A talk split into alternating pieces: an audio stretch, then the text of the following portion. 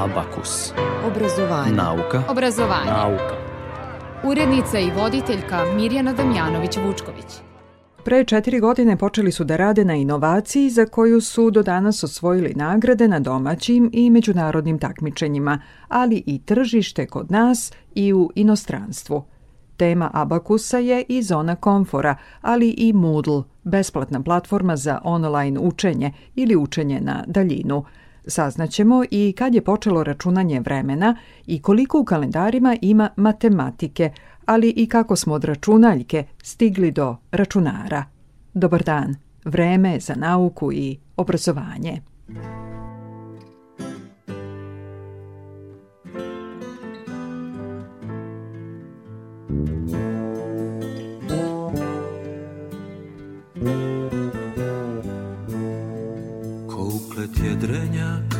Pusti modri mrak uranja kolodvor Odobra noć, Banja Luko Ne, ne dolazim, samo prolazim Nismo se videli dugo Dal to beše čast Šinjelo maslinast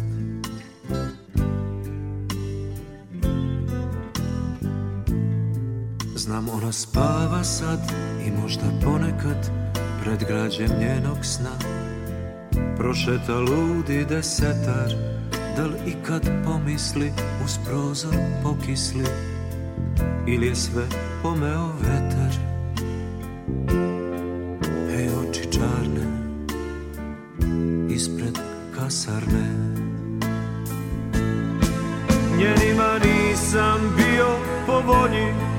Važno im bilo odakle su moji Zašto to smeta sa ovog su sveta Hlebotvorci česticoj Njen me je baba uzona nišan Dal sam od njinih il baš i nisam Sloven sam belac, slobodni strelac Mali se čiča, ja sam svoj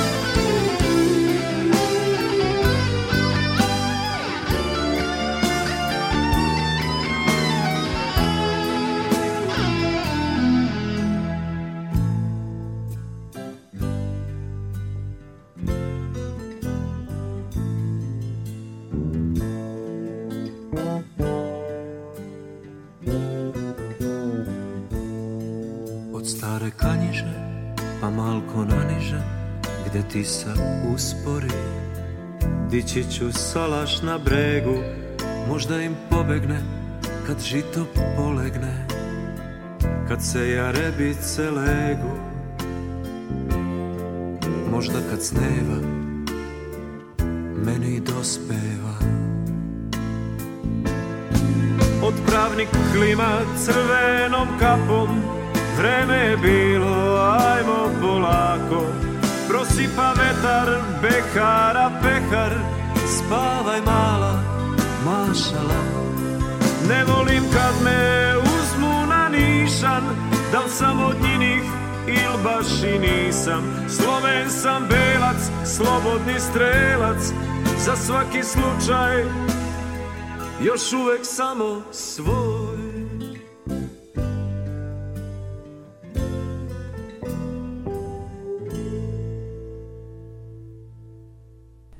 U današnjem su predstavljamo inovaciju koja je nastala kao pokušaj da se reši problem u sobstvenoj proizvodnji na farmi, objašnjava za Radio Novi Sad Aleksandar Nikolić.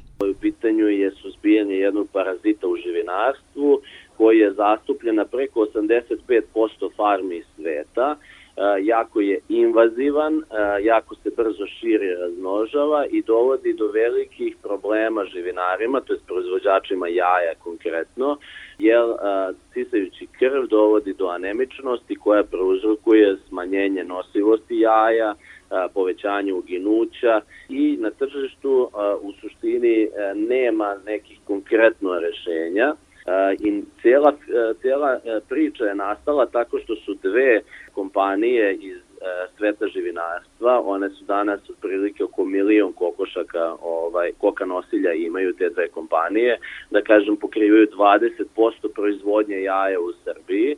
Ovaj, te dve kompanije su iz sobstvenih problema inicirale da se napravi jedna laboratorija, podržale uh, E, doktora koji je tada imao 15 godina iskustvo, danas ima 23 godine iskustvo, e, usko specijalizovano za rešavanje ovih problema i e, napravljena je laboratorija, napravljene su firme da bi nakon par godina došli do našeg patenta. E, patent je e, zaštićen 2018. godine kad su se prijavili za najbolju tehnološku inovaciju. Posle toga smo pokrenuli PCR, međunarodnu patentnu prijavu, kad je isticalo vreme ovaj, za registraciju PCR e, tog, tih dve i po godine, onda smo se proširili na nacionalne, o, u nacionalne faze, znači u zemlje koje su se nama učinile uh, zanimljive za plasma našeg proizvoda. Danas ovaj, u suštini uh, mogu odgovorno da tvrdim da je proizvod u ovom momentu jedan od najbezbednijih što je primat, znači zato što je sastavljen od neutralnih ulja, ne od, pesticid, od otrova, insekticida, pesticida i tako dalje, nego je od neutralnih ulja mehanički ubija te parazite, štiti životnu sredinu i e, veliki je potencijal za Srbiju zato što su nam, na primjer, fakture preko 70% nam je iz inostranstva. Postoji velika mogućnost izvoza i širenja tog tržišta. Sada imaju više od 10 distributera u zemljama širom Evrope. Do sada smo postavili Rumunskoj, e, Bugarskoj, u Albaniji, na, u Grčkoj, u Mađarskoj, Rumuniji, e, Bosni, Srbiji, e, Hrvatskoj, Sloveniji, eto, možda sam neku zemlju preskočio. Sad širimo, imamo pregovore upravo intenzivne e, sa jednom e, od najvećih proizvođača, znači u pitanju je genetika kod koka nosilja, e, najjača genetika u svetu i sa njihovim distributerom za Italiju pravimo pregovore vezane za rešavanje njima problema na farmama i eventualno distributerstva, pošto oni prodaju u preko 50% farmi Italije prodaju svoje jednodnevne piliće, pa bi bilo ovaj, lepo e, da se poklopi ovaj e, i da bude i korisno da proširimo ovaj prodaju i na tu stranu. Inovacija je nastala 2017. Nikolić je tada bio deo tima koji je radio na njenom razvoju. Sada je direktor beogradskih kompanija Pulsil, Pulkap i Pulos. Pulsil je kompanija koja se bavi proizvodnjom preparata. E, Pulkap je kompanija koja ima patente i štiti uh, ovaj prava e, nad intelektualnom svojinom, to jest nad patentom i Pulos je treća firma koja se bavi primenom preparata na tržištu i tako dalje. Kompanije funkcionišu kao jedna zbog zaštite patenta i zbog toga što je naša konkurencija ovaj, u suštini kompanije, jake multinacionalne kompanije i onda u slučaju nekih sporova i svega odvojili smo patent da bude u posebnoj firmi kako bi danas sutra mogli da izdamo licencu odmah na drugu stranu u slučaju nekih okršaja na tržištu. A u tržištu su, dodaje Nikolić, mnogo naučili na takmičenju za najbolju tehnološku inovaciju. Pa prijavili smo se 2018. godine za takmičenje za najbolju tehnološku inovaciju i e, od samom takmičenju mogu da, da kažem e, sve u superlativu zato što je e, ono pomoglo E, nama da naučimo na jednostavan e, način da se predstavimo, e, da, da nas stavi u različite pozicije poslovne, gde imamo nekad jedan minut, nekad tri minuta, nekad sat vremena da, da ovaj, pričamo o našem proizvodu i da jednostavno da be, u kratkom vremenu znamo da ovaj, se predstavimo. Tako da je svakom ko ima ovaj nešto inovativno, preporučujem da prođe ovaj kroz eh, tu besplatnu obuku tako reći, eh, pritom ljude koje tamo poznaju, eh, svi su svi su inovatori, svi ovaj su u želji nešto da proizvedu novo i da stvore nešto novo. Imate jedno super, super jedno iskustvo što se tiče predavača, jedan takmičarski duh je u pitanju, ovaj, nije lagano, ali ništa vas u suštini ne košta sem tog vremena koje posvetite, a dobijete više struko puno i svakom mladom ovaj, pronalazaču bi preporučio da prođe tu fazu. Godinu dana posle osvojenog petog mesta na takmičenju su dobili još jednu nagradu. Tim već sledeće godine smo dokazali da smo ozbiljan kandidat, jer da smo osvojili nagradu E, isto znači najbolja tehnološka inovacija nagradila e, svog e, najprofitabilnijeg takmičara iz prethodne godine što smo bili mi. Znači tako da smo 2019. uzeli tu nagradu. Između ostalog učestvovali smo i u projektu Mini Grant kod inovacionog fonda i pred komisijom Svetske banke smo e, dobili projekat Mini Grant, to je 80.000 evra bespovratnih sredstava koje su nam u pravom trenutku ovaj došla da eh, pojačamo svoj razvoj i svoju promociju i ja verujem da će ova i sledeća godina biti prave za naš proizvod. 26. aprila povodom Svetskog dana intelektualne svojine dobili su nagradu i u Zavodu za intelektualnu svojinu. Prošle godine bila 100 godišnjica osnivanja Zavoda za intelektualnu svojinu.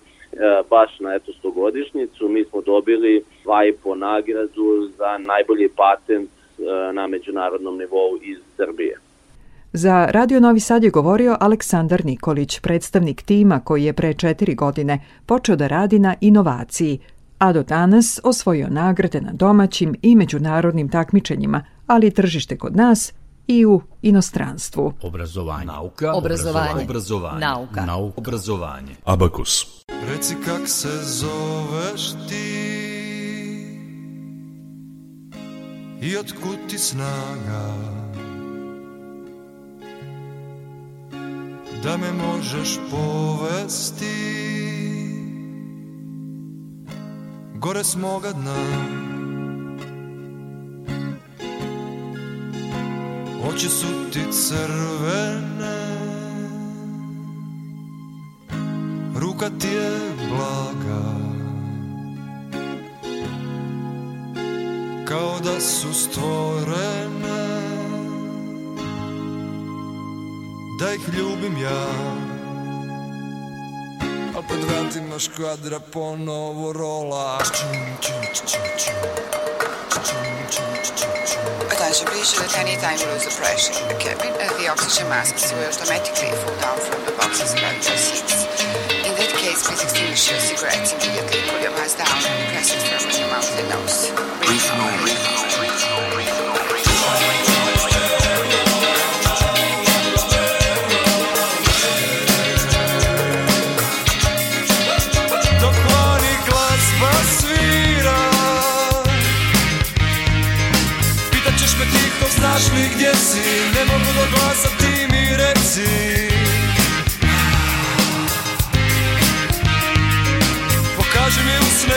tipsko si Ono što nas plaši to su čavli od papira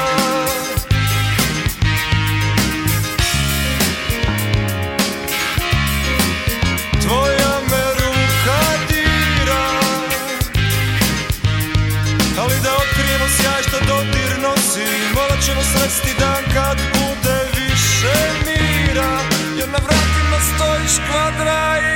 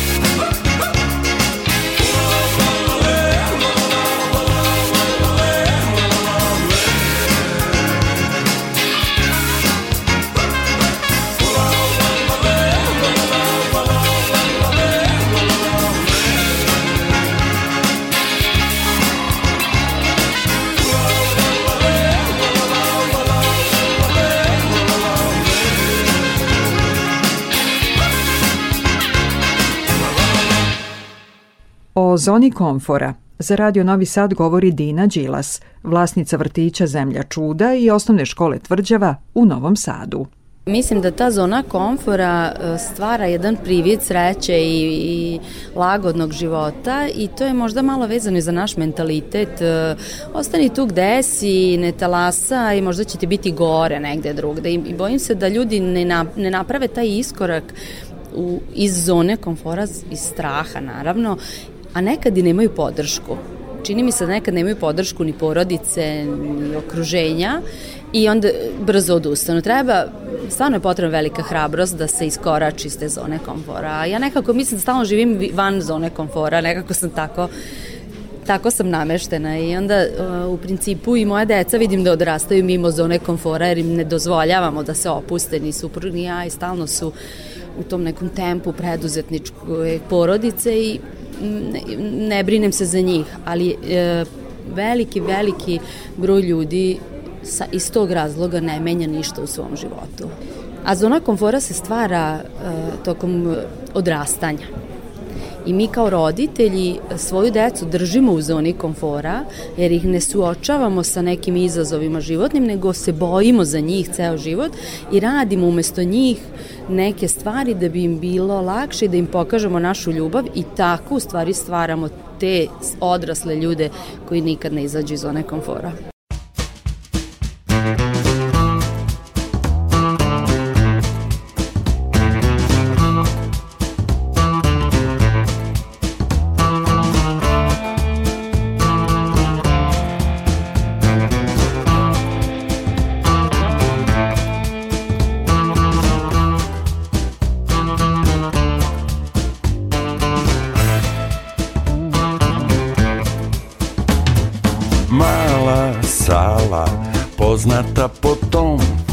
sredom, petkom i četvrtkom lom u sali lom.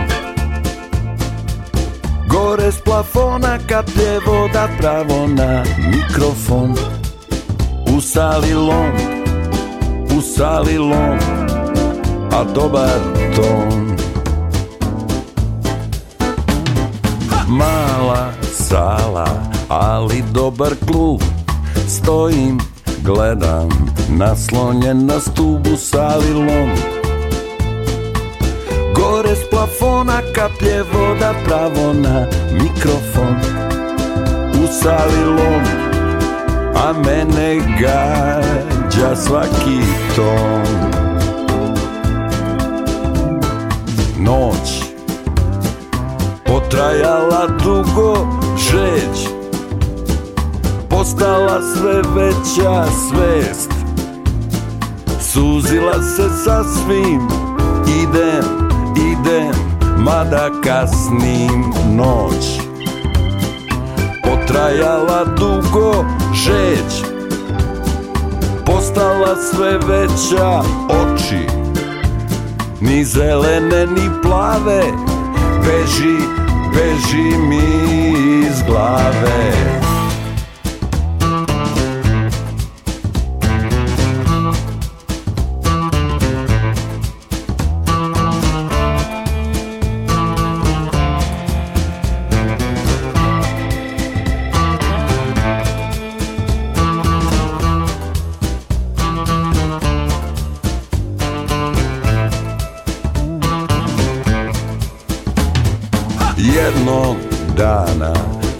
prođe sve Kada vreme slike obriše kad prođe sve Jedna će suza ko meduza nežno da opeče Kad prođe sve, kad prođe sve, kad prođe sve Noć potrajala dugo, žeć postala sve veća svest Suzila se sa svim Idem, idem, mada kasnim noć Potrajala dugo žeć Postala sve veća oči Ni zelene, ni plave Beži, beži mi iz glave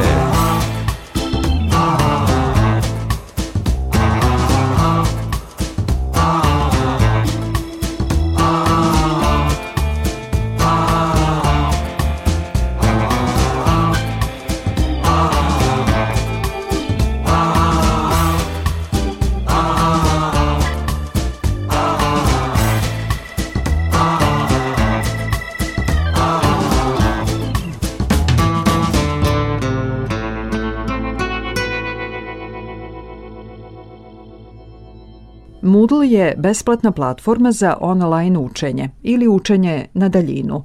Od Miloša Bajčetića, profesora Medicinskog fakulteta u Beogradu, predsednika Upravnog odbora Moodle mreže Srbije, saznajemo istoriju Moodla. Pretpostavljate, počelo je u Australiji.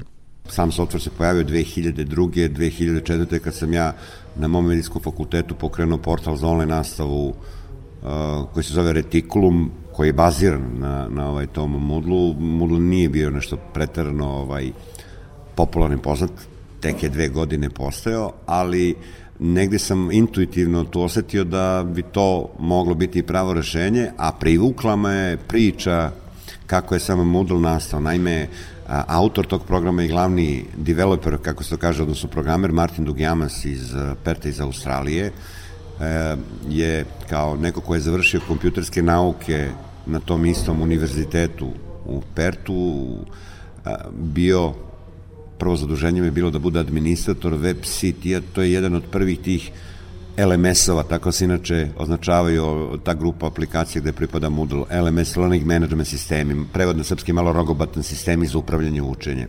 I sad brojne tu neke opcije koje su postale u, u tom a, pradavnom web sitiju Martinu se nisu baš dopale i onda je on dobio želju da napravi novi LMS i sad svaki programer iole prosečno može da isprogramira šta god želite, samo neko drugi njemu mora da na, objasni problem za koji on treba da napiše kod i onda je on shvatio da bi trebalo prvo da usavrši svoje pedagoška znanje i onda je on upisao doktorat iz pedagogije i na tim doktorskim studijama proučavao ovaj, različite teorije učenja, učio o Piageu, Vigotskom ocu socijalne konstruktivističke teorije i očigledno je ta teorija na njega imala veliki uticaj i on je, imajući u vidu upravo taj socijalno-konstruktivistički pristup učenju razvio samo Moodle, dakle Moodle je bio razvijen kao deo njegovih doktorskih studija. Zanimljivost je to da on taj doktorat nikad odbranio nije, ali je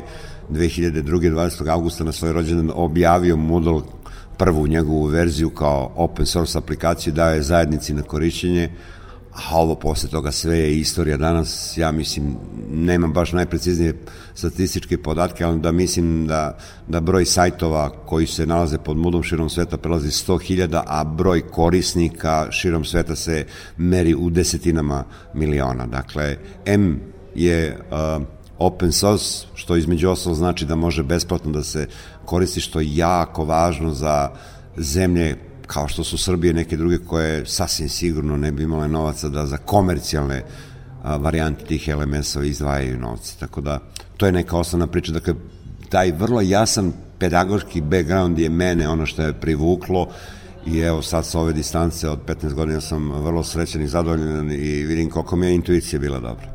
Za Radio Novi Sad govorio je dr. Miloš Bajčetić, profesor Medicinskog fakulteta u Beogradu, predsednik Upravnog odbora Mudlo mreže Srbije.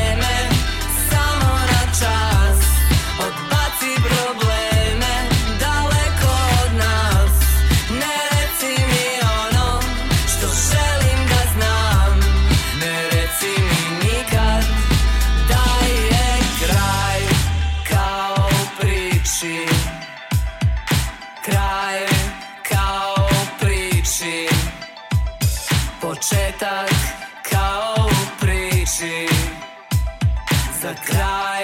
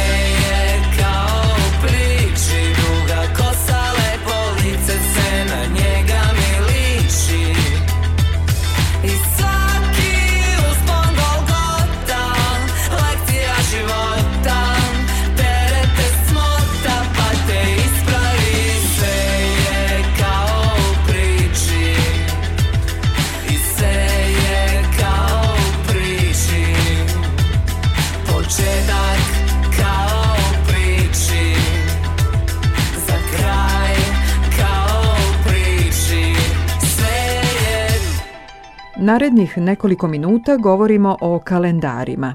O tome sam razgovarala sa doktorom Draganom Miloševićem, profesorom na PMF-u u Novom Sadu. Slušamo deo tog razgovora u kojem, osim ostalog, saznajemo i kad i kako je počelo računanje vremena prvi pisani tragovi, ako ih tako možemo nazvati, su bili u stvari na drvetu, rezbareni u drvetu. Znači, na neki način to su bili neki prvi pisani znaci, to nije sačuvano.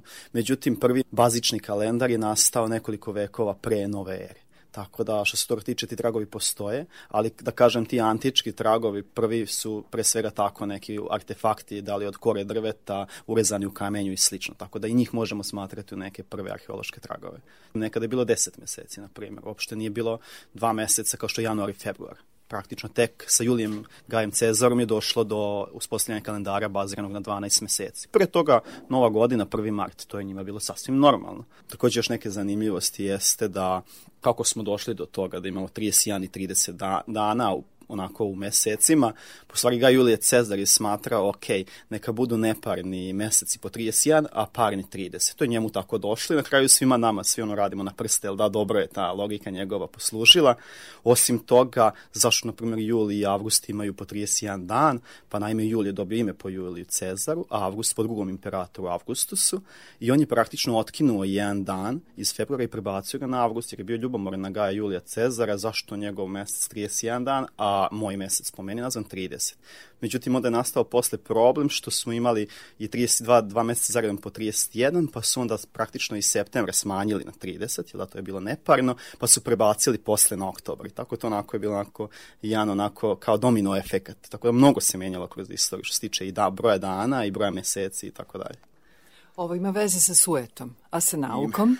pa što se tiče nauke, e, znamo koliko treba dana da ima u godini, pošto naime naš kalendar se bazira pre svega na kretanjima nebeskih tela, nama najznačajnijih, to su mesec i sunce ti antički najstari su bili pre svega bazirani na mesecu, jer je mesec bio najvidljiviji našim precima, onako u toku noći oni su mogli da vide te mesečeve faze, jel da, pa su zato to crtali po drveću, na primjer, i kamenu, a ovi savremeni pre svega su bazirani na nekoj kombinaciji solarnih i mesečnih ili samo na solarnom, kao čuveni julijanski kalendar, na primjer, i gregorijanski, tako da oni su bazirani na nauci, naime, julijanski kalendar koji koristimo i mi, pre svega mislim pod mi pravoslavne, pravoslavne veroispovesti, gregorijanske i katoličke, Naime, e, Julijanski je stvoren pre nove ere, jedan grčki astronom Sosigen, znači naučnik e, iz tog vremena, dok Gregorijanski je stvoren u 16. veku, isto baziran na nauci. Tako da uzeli su pre svega kretanje nebeskih tela, koliko je potrebno tim telima da naprave jednu putanju, jel da, da dođe iz te početne tačke ponovo u nju, posle nekog perioda, i to su podelili na broj meseci, pa onda na broj dana i tako dalje. A zašto februar svake četvrte godine ima dan više? Pa to je zbog toga što praktično računanje naš, naše računanje vremena ne može u potpunosti da obuhvati sve te astronomske faktore i onda samim tim mi moramo da dodajemo praktično po četvrtinu dana, znači mi kasnimo za, za, za prirodom i u proseku godina traje 365,25 dana i onda je 0,25 puta 4, znači mi moramo jedan dan dodati da bi stigli prirodu na neki način, to je zbog toga. Koliko poznatih kalendara postoji u svetu? poznatih, evo, ajde da ja onako zaokružim, da kažem hiljadu. Vi imate neke zajednice koje ih ima, na primjer, samo nekoliko hiljada ljudi koji koriste totalno drugačiji kalendar od nas i slave totalno drugačiju novu godinu. Primjer, mi slavimo 1. januara, slavimo i 14. takođe januara, a sad i drugi narodi imaju svoje datume kako to slave. Pa, na primjer, imamo i na, na severu Indije da se slave, slave nove godine u martu, u Nepalu, na primjer, da slavimo u aprilu, jugoistočna Azija takođe, od marta do maja, tako da različite praktično države slave različite datume za početak nove godine. Koliko ima matematike u kalendaru? Bez matematike nigde, tako da i u kalendaru praktično to je čista matematika i onako ta čuvena nebeska mehanika, na primjer. Bez toga saista ne bi mogli da normalno funkcionišemo i totalno bi bilo naše vreme dezorganizovano. Ovako pokušali smo to, taj neprocenjivi resurs kao što je vreme da organizujemo putem matematike. Za Radio Novi Sad je govorio dr. Dragan Milošević sa Departmana za geografiju, turizam i hotelijerstvo Novosadskog prirodno-matematičkog fakulteta.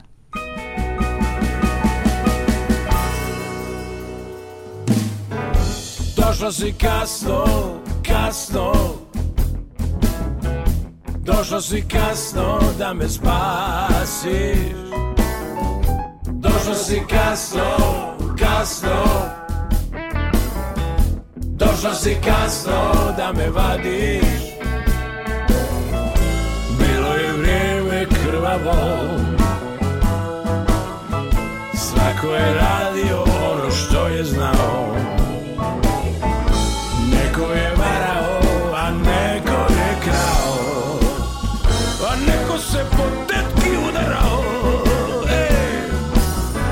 Došla si kasno, kasno Došla si kasno da me spasiš Bilo je kasno, kasno Bilo je kasno da me vadiš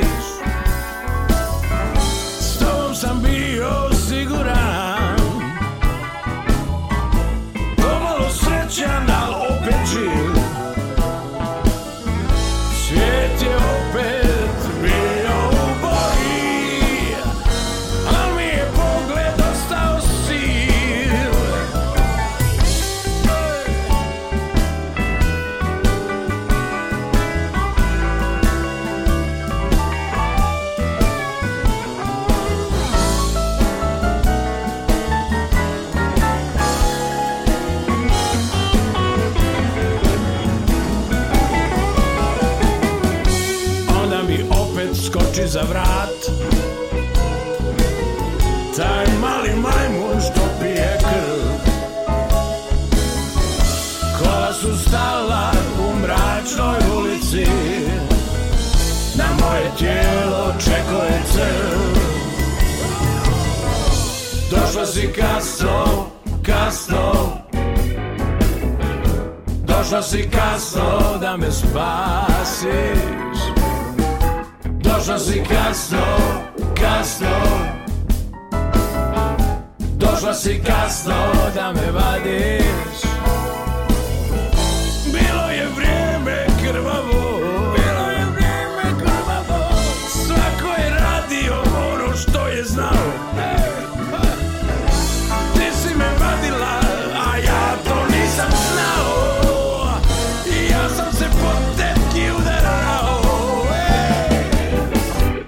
Došao si kaso, kaso Došao si kaso da me spasiš Došao si kaso, kaso Došao si kaso da me vadiš Došao si kaso, kaso U Abakusu još malo matematike. Tema su računari, ali i računaljke. O tome sam razgovarala sa profesorom doktorom Draganom Mašulovićem sa Prirodno-matematičkog fakulteta u Novom Sadu. Slušamo deo tog razgovora. Nauka. Obrazovanje. Obrazovanje. Obrazovanje. Nauka. Nauka. Nauka. Obrazovanje. Obrazovanje. Nauka. Nauka. Abakus. Dugačak je taj put, od računaljke do računara. Jedno deset hiljada godina. Kako da krenemo u tu priču? Pa, najbolje redom problem koga mi ljudi imamo sa računanjem je da mi nismo sposobni da računamo brzo i efikasno. Iako je računanje proces koga smo mi sami smislili da sebi olakšamo svakodnevne aktivnosti, to nije nešto što ljudi rade lako i prirodno. Tako da od samog nastanka računanja, tamo negde u mlađem kamenom dobu, otprilike, ljudi su smišljali i razne, razna pomoćna sredstva da bi sebi olakšali taj jedan nehumani proces – I to je tako do danas. A ona priča o plemenima koja znaju za jedan, dva i mnogo? Brojanje i računanje su dva različita procesa. Dakle, jako je puno vremena prošlo od pojave brojanja do proja, pojave računanja. E, tako je, postoje razla plemena i dan danas ovaj, koja imaju pojmovi 1, 2, 3 i mnogo.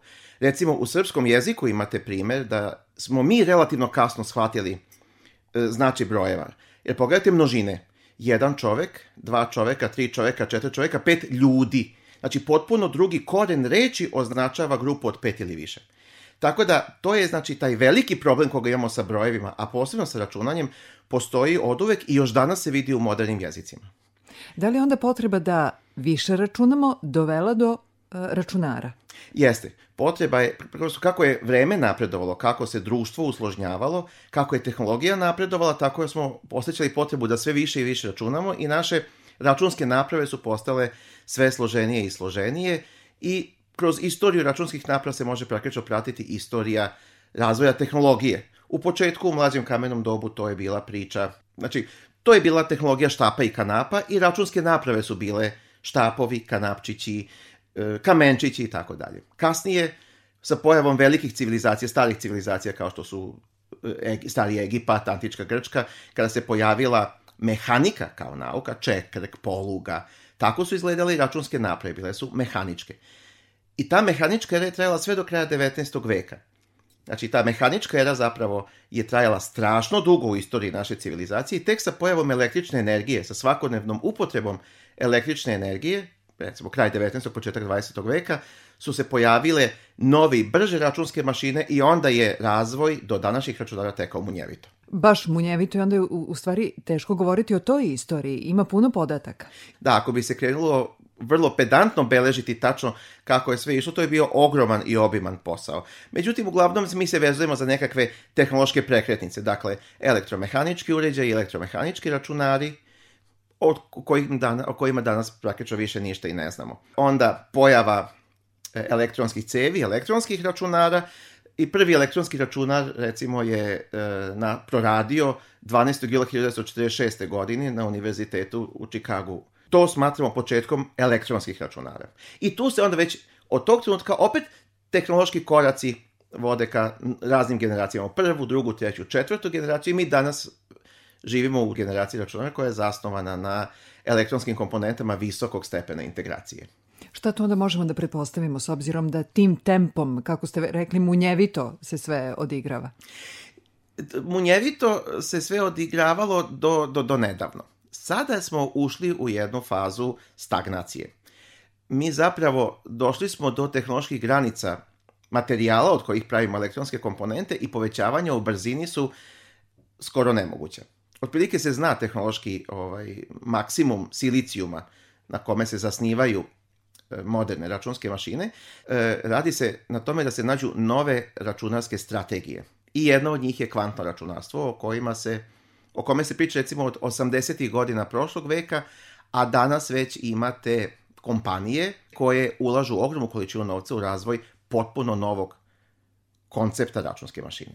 Generacije koje najviše koriste računare, to su mlađe generacije, e, među njima ima dosta onih kojima je matematika e, bauk, a nisu ni svesni da je u stvari osnovi, u osnovi svega matematika. E, da, matematika je u osnovi računskog procesa i izgradnje računskih mašina, ali ja mislim da je problem u tome što matematika kao bauk proizilazi iz načina na koji mi deci predajemo matematiku. Ako bi se matematika na potpuno drugi način prikazala kao jedna svakodnevna aktivnost i kroz različite načine primene tog znanja u svakodnevnom životu, verujem da bi se to stanje promenilo. A matematiku imamo svugde. Gde god se okrenemo, oko nas je matematika. Jeste, moderna nauka je visoko matematizovana i to se onda otlikava na svakodnevni život, jer mi danas živimo u svetu koji je okružen tehnološkim dostignućima, gde prosto že, hteli ili ne hteli, mi dolazimo u neposredan odnos sa modernom naukom, tako da dolazimo u neposredan odnos i sa modelima koji su proizveli te proizvode. Kako ste vi izabrali matematiku za svoj poziv? To je baš teško pitanje. Matematika izabrala vas? Verovatno je tako nekako, za razliku od drugih predmeta, matematiku nisam morao da učim. Nisam morao da memorišem činjenice, a to mi je uvek teško išlo. Znači, to je bio predmet gde sam na času mogao da shvatim šta se dešava i pošto mi je nekako tako lako išlo, onda sam odlučio da se time bavim. Za Radio Novi Sad je govorio profesor doktor Dragan Mašulović sa Novosadskog PMF-a.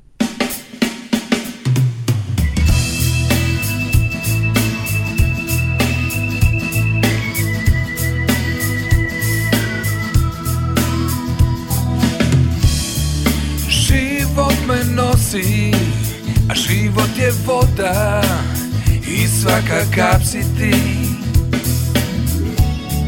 A ja sam bez tebe, a pustinja žedna u moru ljubavi.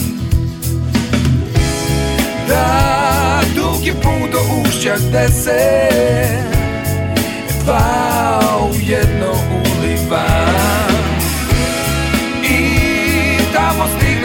vacace A posle dugih lutanja A tebi pratim ja Ti si mir, ti si vir U koji bi da tonem Ti znaš da daš I kada ne dam ja A ja sam svoj, o pa tako svoj Da nekad te zabolim A poslednje što želim To je da povredim te ja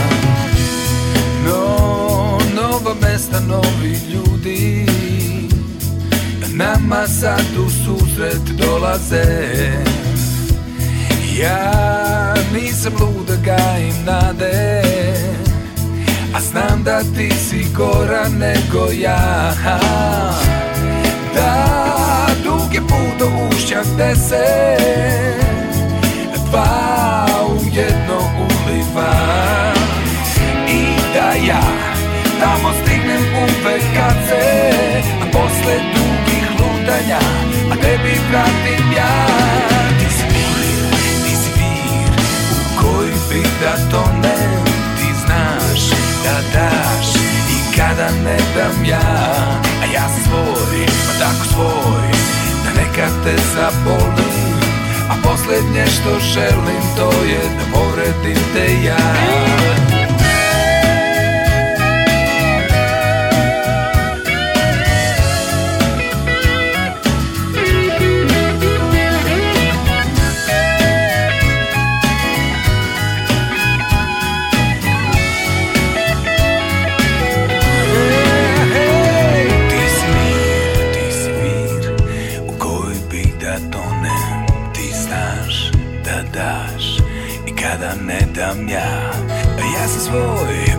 svoj Da neka te zabolim A poslednje što želim to je da povredim te ja A ti si mir, ti si mir koji tonem Jedino želim s tobom život da delim I ne mogu ne da povredim te ja A ti si mir, ti si mir koji tonem Jedino želim s tobom život da delim I ne mogu ne da povredim te ja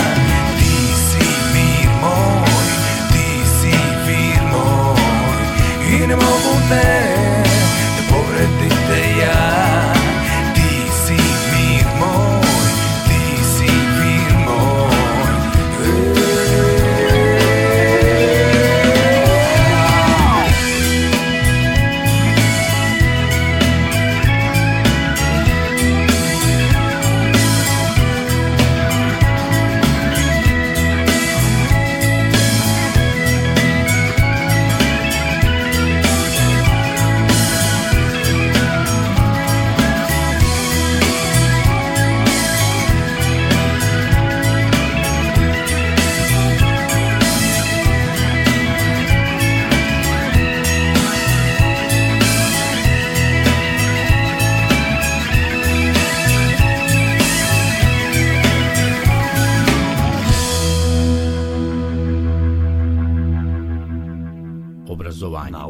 Obrazovanje. Obrazovanje. Nauka. Nauka. Obrazovanje. Abakus. Bilo bi to sve u današnjoj emisiji koju kao i prethodne možete ponovo da slušate na sajtu Radio Televizije Vojvodine rtv.rs odloženo slušanje Abakus. Današnju potpisujemo muzički urednik Zoran Gajinov, ton majstor Dalibor Vidović, ja sam Mirjana Damjanović-Vučković.